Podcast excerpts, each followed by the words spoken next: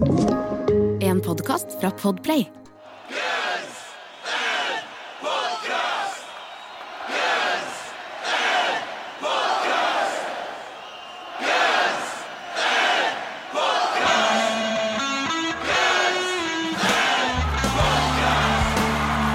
Velkommen til Gunsen podcast, din ukentlige venn i podcast-universet, som hver eneste uke gir deg nye røverhistorier og nye låttips om dette fantastiske bandet Guns N' Roses. Jeg er Erik Eikholt. Og jeg er Jan Gårstad, og vi sitter nå her og geeker ut om Gunsen, som vi for så vidt har gjort lenge før vi hadde en podcast. Det var vel kanskje derfor eh, vi fant ut at vi skulle lage en podcast, da, fordi vi satt der sene kvelder og drakk og, og krangla og prata om, om Gunsen. Så tenkte vi at dette vil andre folk òg høre. Eirik. Det vil de høre, vil de ikke det, alle sammen? Jeg liker jo å tro det. Jeg, jeg har jo liksom sånn jeg, jeg, jeg kan ikke for det av og til hvis jeg kommer på en annen funny historie om Gunsen, så forteller jeg den. Og det kan fort være til folk som nesten ikke vet hvem Gunsen er, men alle de virker i hvert fall. Jeg vet ikke om de er høflige, men de virker nå og setter pris på det. Ja da, det, det er mye gøy å ta, er det ikke det? Så så jeg satser på at det treffer, treffer til og med mer enn de som bare har Kåre Gunsen-fan òg. Ja, men de tror jeg vi treffer i dag. Det gjør vi vel, gjør vi ikke det? Vi har, eh, vi har venta litt med dette albumet her, og vi vet jo at det er favoritten til ganske mange. Eh, snakker selvfølgelig om igjen Chinese Democracy. ja, det stemmer. snakker om spesifisert uh, Silkworms-lån som ikke kommer på Chinese Democracy. Nei, vi snakker om Appetite for Destruction, et av tidenes rockealbum. Det er det vel ingen som kan bestride. Det er vel de fleste enige om, og kanskje tidenes beste debutalbum av et band noensinne, eller? Ja, vil jeg tro. Eh, og det viser jo salgssummen òg. Eh, du selger ikke så mye bare av å ha litt flaks eller litt hype. Det er jo gjennomført bra, det greiene der. Det er det absolutt. Eh, Det er liksom eh, ja, Du kan si at det tok pulsen på Los Angeles på det tidspunktet, men det, gjorde, det lagde kanskje en ny puls på Los Angeles, for det var kanskje litt dødt. Eh, Det var litt mye sånn uh, sleaze-rock og litt sånn Ja. uh, Mutley Crew-greier ute og gikk, og så For den drepte jo effektivt de etter hvert, i hvert fall. Du kan jo si Grunge også var en del av det, men, men det var ganske klart for Gunsen òg, for de var jo eksempel ikke veldig glad i band som Poison. Det var de ikke. Det kommer sikkert noen historier om det. Det gjør det. Eh, Og de hadde jo liten sånn forskjell fra denne punken ikke sant, som de dro inn i dette her, som kanskje ikke så mange andre gjorde på samme måte, iallfall. Så, så det var en egen liten, sånn, eh, egen liten miks som, som kom ut, som eh, tok litt tid før det ble populært. Det var jo ute et år nesten, det albumet, før det liksom tok av, og så, men så tok det av til de grader. Så tok det så sinnssykt av òg. Og det var jo litt av det i starten, at det ble litt sånn, eh, litt sånn avskrevet der av enkelte i pressen som bare et nytt glam, rock band fra Los Angeles. Fordi de brukte jo, Axel brukte jo sminke og dolla hår og den slags, men det var jo noe helt annet enn Vince Neil.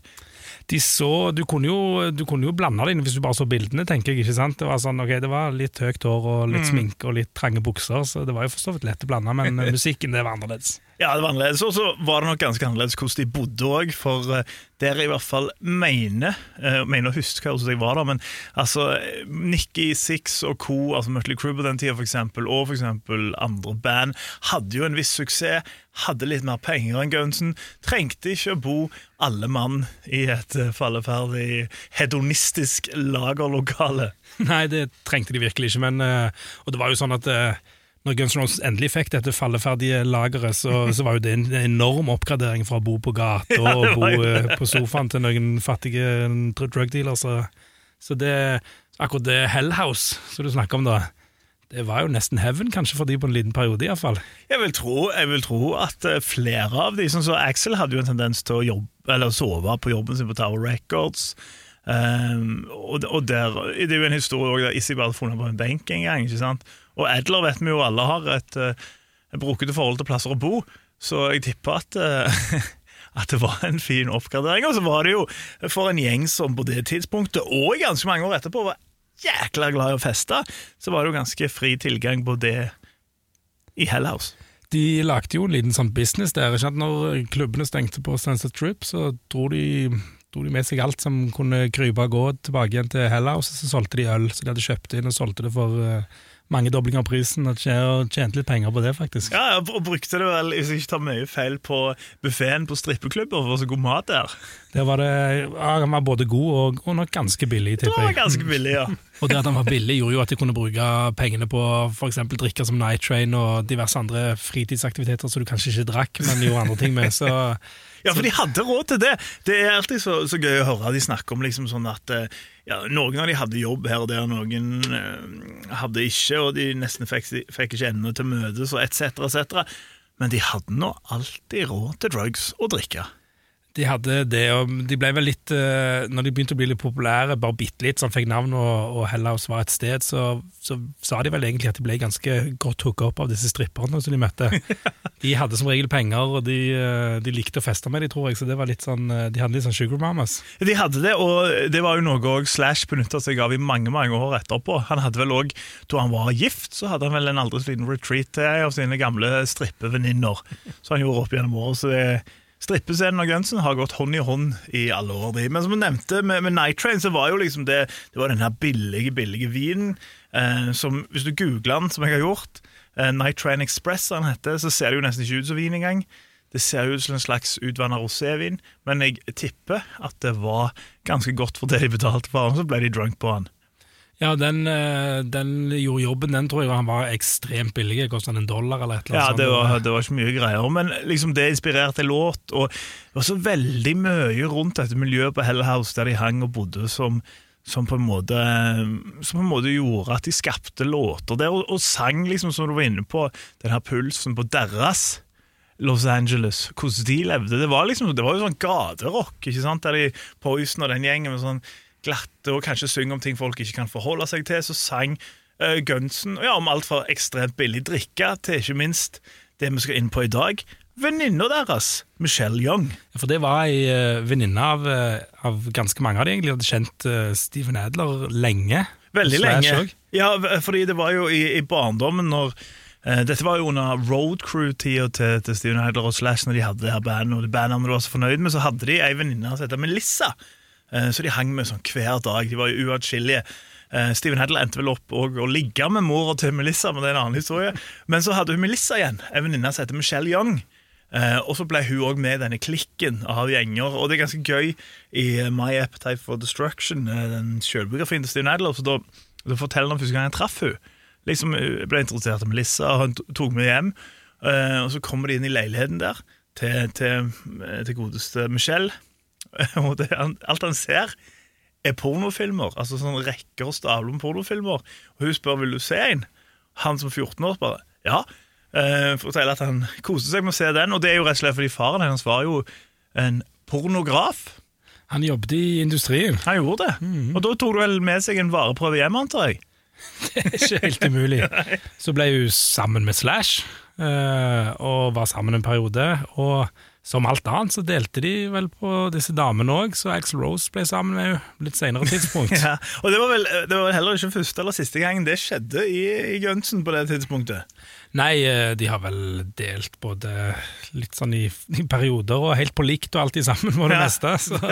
Det var, det, var en, det var en fri stil i, i Hell House. Men ja, så Michelle Young var liksom eh, nær, nær venn av bandet òg. Liksom, ja, har, vært sammen med, med Axel en periode. Og det var vel rundt da eh, at den teksten kom, for det eh, Låta ble vel skrevet eh, med det her, altså det her klassiske clean-introen, litt sånn horroraktig. Det er jo Issy. Eh, og så kom Slash med klassisk rockeriffet sitt. Og, og den slags, De hadde jo laga et slags instrumental, og så kommer Axel. Eh, og, og, og kom med teksten, og den teksten sies at det var når Axel og Michelle Young var ute og kjørte bil.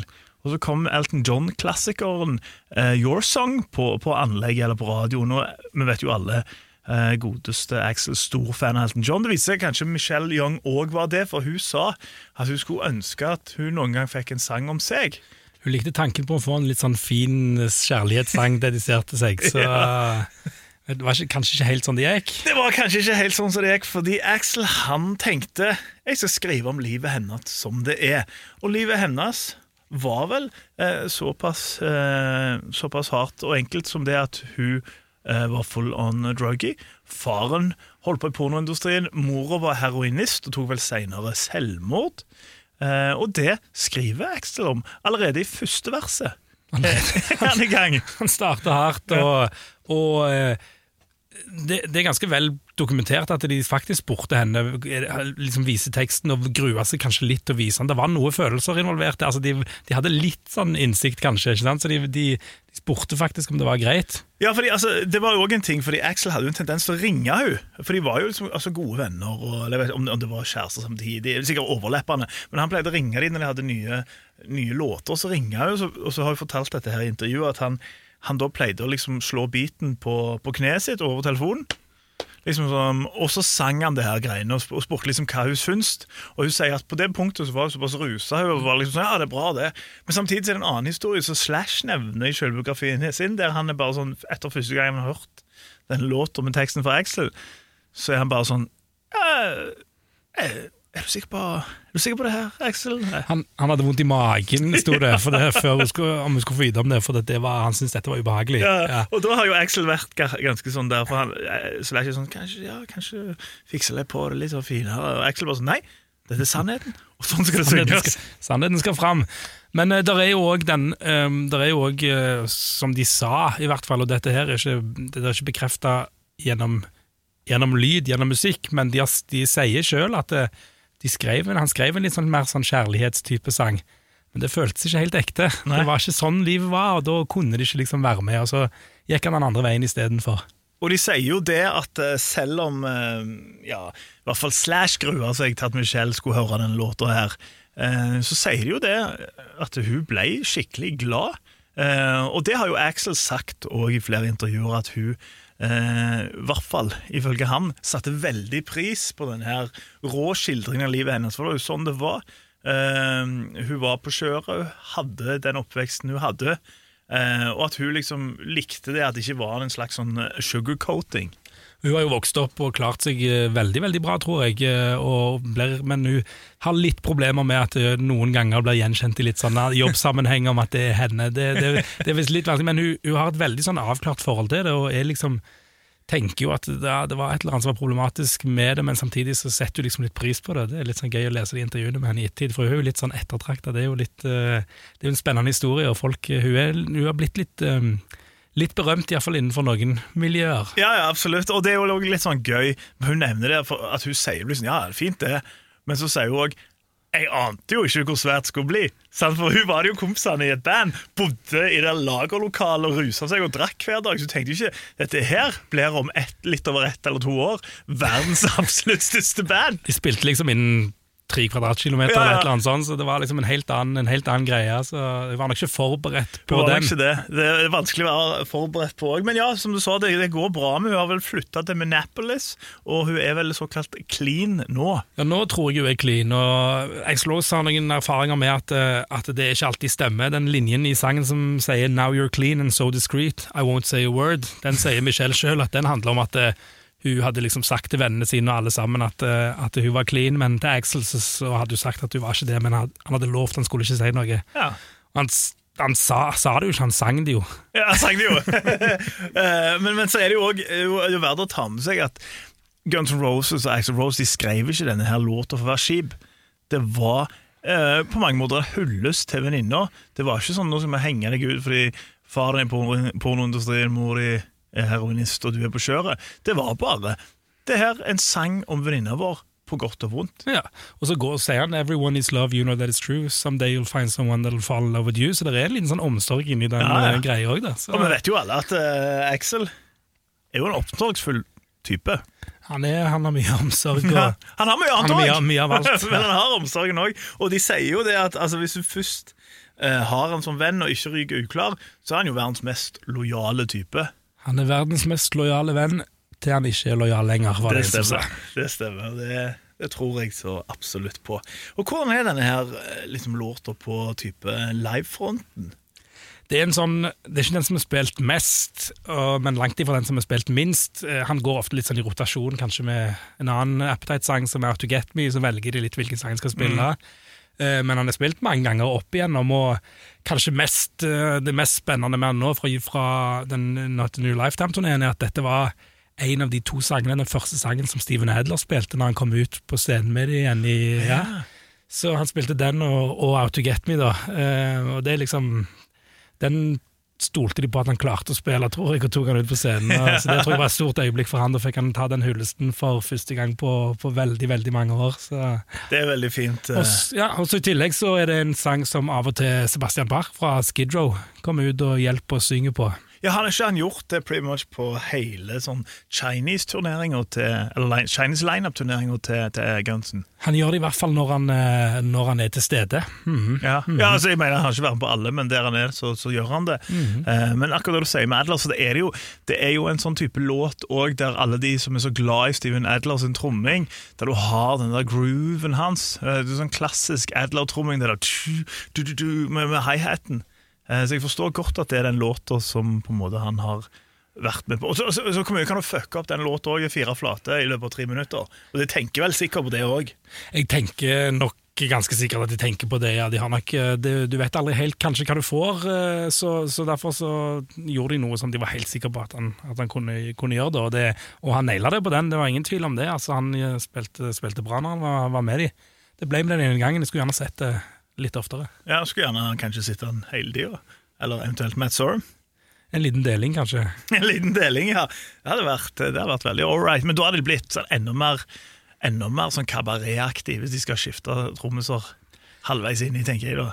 Ja, du har et poeng Du har et poeng der, det, men så kan noen si at de er ganske kabaretaktige fra før. Ja, det mener det er blitt så at enda kan- ja, ja, men At de like så godt kan gå over De kan like så godt gå over den kneika der òg, liksom. Eh, Det var jo det Sorum sa hele tiden, hadde ikke det? At det var det han ønska at de skulle gjøre, ta med begge to. Ja, det- Sor- Sorum sier det. Jeg tror kanskje Adler eh, ønsker det. Men jeg tror Sorum bare sier det for han vet at han har sterkere kort med Adler med på laget sitt, siden Axel hater han. ja, helt klart. Det tror jeg. Axel hater, hater Sorum, og så vet Sorum godt at Adler ikke klarer Use Solution-sangene, så da håper han å få seg en liten inn der. Men eh, jeg hadde betalt for å se det, altså. Det hadde vært helt konge. Men det som er litt sånn interessant med My Michelle, eh, som jo det er absolutt ikke et deep cut på Appetite. Det er jo en kjent låt, men det er ikke der oppe med, med Paradise City, Sweet Child, Night Train, It's So Easy. Men han er der sånn rett unna. Men så er det jo faktisk eh, en del sånn coverversjoner av den låta som overrasker meg, som jeg oppdaga i dag, eh, rett og slett. Eh, ene er blant annet en sånn, en av de der som var så svære på 2000-tallet. Du vet sånn Punkos pop, Punkos metal, bla, bla, bla.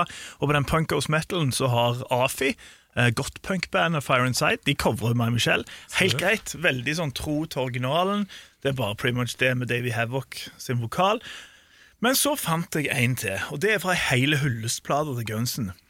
Eh, og der fant jeg et band som Ja, mange liker de. Jeg kan like noe greier her og der, men jeg er absolutt ikke storfan av katalogen. Jeg er i hvert fall ikke fan av det de fant ut de skulle gjøre med My Michelle. Vi snakker om Matt Core-bandet Dillinger Escape Plan, Oi, som tenkte sånn Nei, vi er altfor flinke til å covre denne på vanlig måte.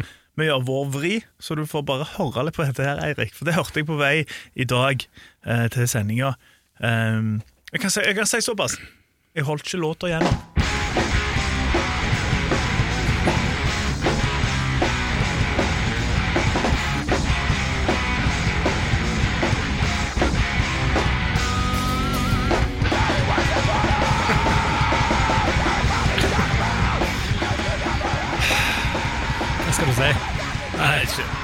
Det, altså En god cover må jo på en måte ha Han må jo gjøre noe som er litt tro til originalen, må han ikke det? ja, faen er det der? Hva faen er det altså? Nei, det, ja. det, var, det er sikkert gøy for de som liker dette bandet og Ja. forventer dette. her, Jeg vet ikke. Det, Jeg føler det er sånn der, Men, det eh, der flinke-syndrom. Bare sånn ja. der, ok, Vi kan spille i sånn crazy takter, vi kan gjøre sånne greier. Vi gjør det med den. De har jo bare radbrekt den. faen. For, ja, det er den balansegangen mellom ikke gjøre akkurat Gjøre han identisk Ja. til, til originalen, også, men heller ikke voldta han. da Nei, for jeg tror De tok det der uttrykket 'gjør han til din egen' eh, litt for leit. Ja, Nei, Den eh, trenger vi ikke høre mer. Nei. nei. Men det er veldig interessant at det er My Michelle, for det finnes flere coverlåter òg. Og det er, altså, det er jo andre Covers som er covra, men at det- My Michelle skulle være så mye, overrasker meg. Ja, det, jeg har ikke hørt, så- har hørt så mange av dem, må jeg innrømme, men, eh, men eh, får sette meg ned litt og håpe at de er bedre enn eh, enn denne her. Jeg skal ikke lyve, de var ikke det. Nei, det var ikke, det var ikke så mye å skrive hjem om, altså. Det var ikke det. Men det er jo en grunn til at originalen har blitt covra såpass mye som den har. Ja vel? Det er fordi det, er det er en bra låt. Ja, men det, det er jo det. Eh, Og alt fra introen der eh, du får eh, ja, Selv om det er faktisk litt interessant, fordi jeg har lest mange plasser at altså den clean-introen, den litt horroraktige, det er Issy Stradlin sitt. Men så tror jeg Duff skriver i It's So Easy at han mener det er et slash-riff. Det kan være han mener uh, riffet som kicker inn etter clean-delen, for det er jo unektelig slash, men uansett hvem det er, så, så er, det jo, er det jo veldig bra. Men jeg mener jo at det er Easy det første, og så introriffet er slash, og så kicker det inn. Det kan jo høres ut som det. Jeg hadde nok tippet det hvis jeg skulle Ja, tippe det sjøl. Det er veldig sånn issisk. Det er issisk. Ja.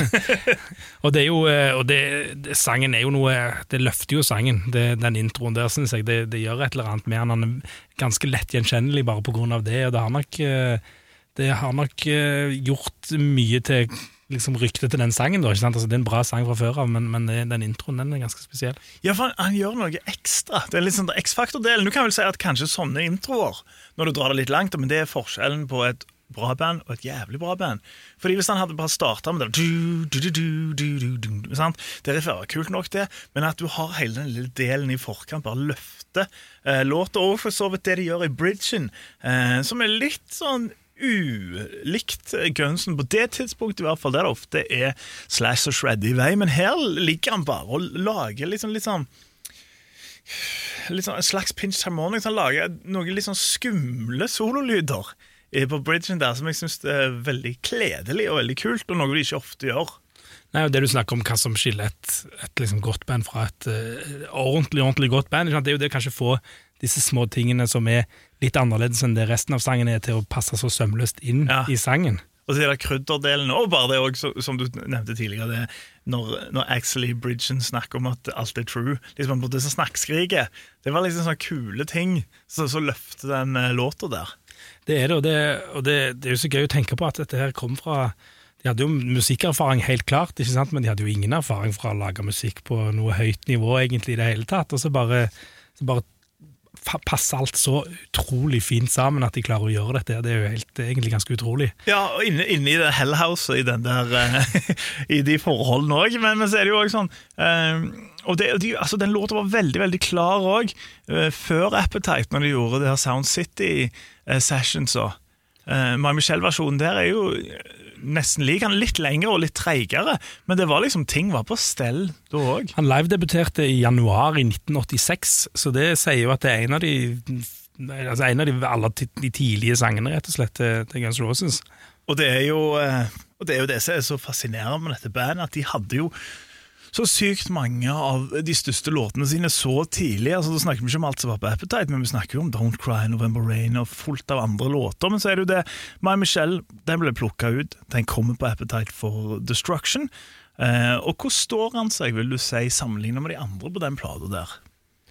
Nei, jeg syns definitivt det er en av de bedre låtene på albumet. Han er ikke, nok ikke Han er ikke blant mine aller, aller liksom, største favoritter, men, men, eh, men en låt som gjør seg jævlig bra ennå, som jeg liker å høre live, og det er jo, en, det er et godt utgangspunkt. Det er alltid en fin lakmustest.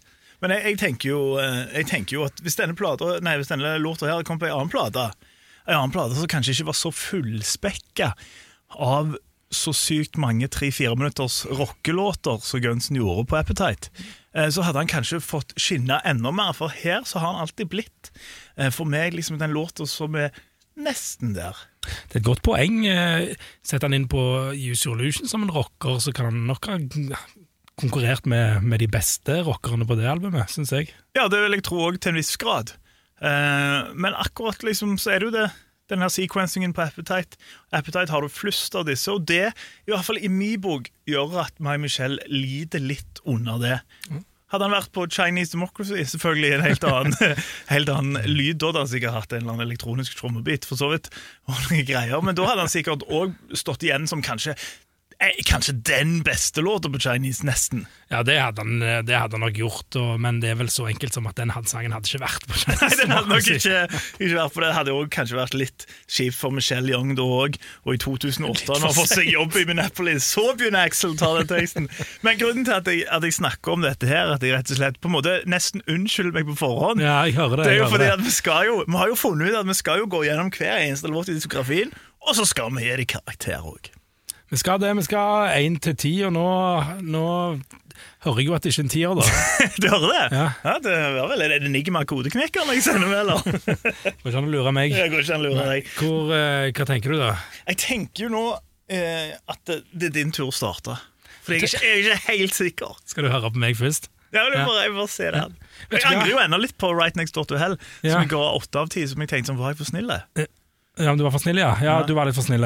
Kanskje. Ja, jeg ga en syv av ti, og My Michelle er hakket sterkere. Så My Michelle har meg for åtte av ti. Den får den berømte åtteren av ti. Du gir åtte av ti. Jeg er åtte av ti. Og det er Og han er nok kanskje close, mer close til nien enn han er syven òg, faktisk. Men han får åtte. Ok, ja. Jeg er litt streng på det. ja. Jeg vil ikke si du er streng i det hele tatt. Eh, Som jeg sa, da. eh, For min del så er han langt under Night Train, It's So Easy, Out To Get Me. Du har ikke beveget deg mot sexen, Du snakker ikke, du snakker, vi snakker ikke sånn der. Vi snakker seks og en halv av ti. Nei, fy faen. Du kan, men kan du gi det lov å gi halve, forresten? Jeg gjør det nå. Nei, kom igjen. Altså, For det første er det feil, og for det andre så, så, så Jeg, men jeg synes det fordi altså, det er et eller annet? Introen er konge, det riffet er fint, men så er han litt Litt sånn gubbeharry. Jeg trodde liksom det var neste episode vi kanskje begynte å krangle ordentlig, men nå kommer det faktisk kanskje her. altså. Ja, nei, jeg, går for en 6,5, og det hadde ikke Night Train og It's So Easy og de vært der, så hadde den kanskje vært høyere. Men i konkurranse med de, så er det den jeg skipper. Ja, ok. Ja. Ja, ja. Jeg syns nesten litt hårreisende at du er en 8 av ti. For jeg syns Right Next Door to Hell er bedre. Ja, nei, hadde jeg syntes det, så hadde jeg gitt, eh, hadde jeg gitt omvendt. Jeg, ja. Jeg tror det, jeg tror det blir en 6,5 av 10, altså. ja, men Jeg kan, men jeg kan ikke gi han 7 av 10 bare for å være snill. Du kan ikke det, men du kan ikke gi han seks av ti bare for at du ikke tør å gi han eh, seks heller. Dette er jo eh, rett og slett bare pysa ut. Å ja, du mener at jeg tar det 6,5? Ja, ja altså, nei, Jo, men altså det er jo nyanser, det er jo så mange låter. Men hadde jeg visst dette når vi, kunne, når vi skulle gi Right Next the Hell, så hadde det blitt annerledes. ikke sant? Ja, hva hadde det blitt da? Skal du tilbake i tid? Nei, nei, nei så får jeg, stå for den. Jeg Ja. gjør det, jeg gjør det, men ok, vi får bare være enige om å være uenige. Ja. Jeg, nei, det ble, jeg står for 6,5 av 10, og du gir han 8 av 10. Jeg gir han 8 av ti. Ja. Yes. Og så må du jo huske, du som er lydende forbanna nå, for du har kun hørt Appetite for Destruction hele ditt liv. Uh, dette er jo Guns N' Roses-skalaen. Du, du, du, du ble nervøs nå. Jeg blir like nervøs som hun der eh, Jeg vet ikke om du leste om hun der helsefagarbeideren fra Gjøvik. Jeg tror ikke jeg leste om henne. Stakkars som har samme navn som Erna Solberg. Driver for sånn drapstrussel og sånn. Så nå, Ja, skiftet nå skifter navn til Hva var det? Freud? Nei, Lagerbert? Et eller annet. Ja, det noe annet i hvert fall. eh, ja. Ja. Det kan være du må skifte navn. Det kan være. Den igjen, jeg vil ikke Hvor mange kjenner du som bare elsker meg, Michelle? Trodde den var, trodde den, trodde den, den var stor, jeg, men eh, Jeg har aldri noen gang hørt noen si sånn Å, sett på meg, Michelle! ja, vi, vi, vi, Vi finner jo ut av det nå. Vi tar imot feedback. Ja. ja, det kan vi for så vidt gjøre. Uh, vi har jo Facebook-side som vi har glemt å reklamere for. Den har vi glemt å si noe om. Vi har det. Um, Gunsen Podcast heter Gunsen. Podcast på Facebook. Yes. Kan like oss der. Send uh, hatmeldinger der.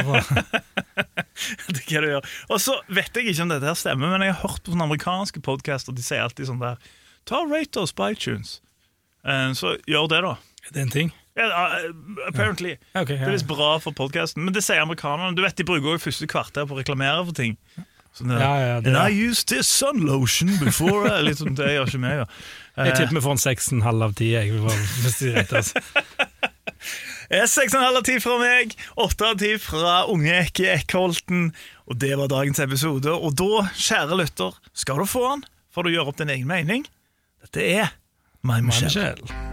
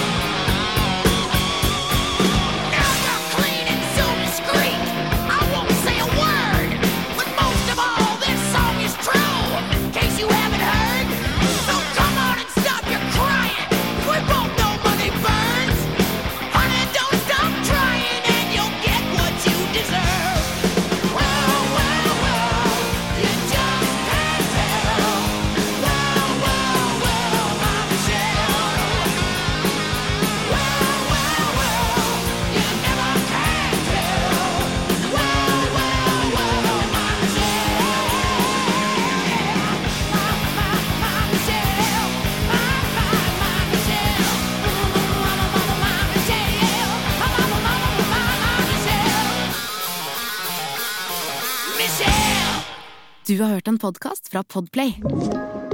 En enklere måte å høre podkast på. Last ned appen Podplay, eller se podplay.no.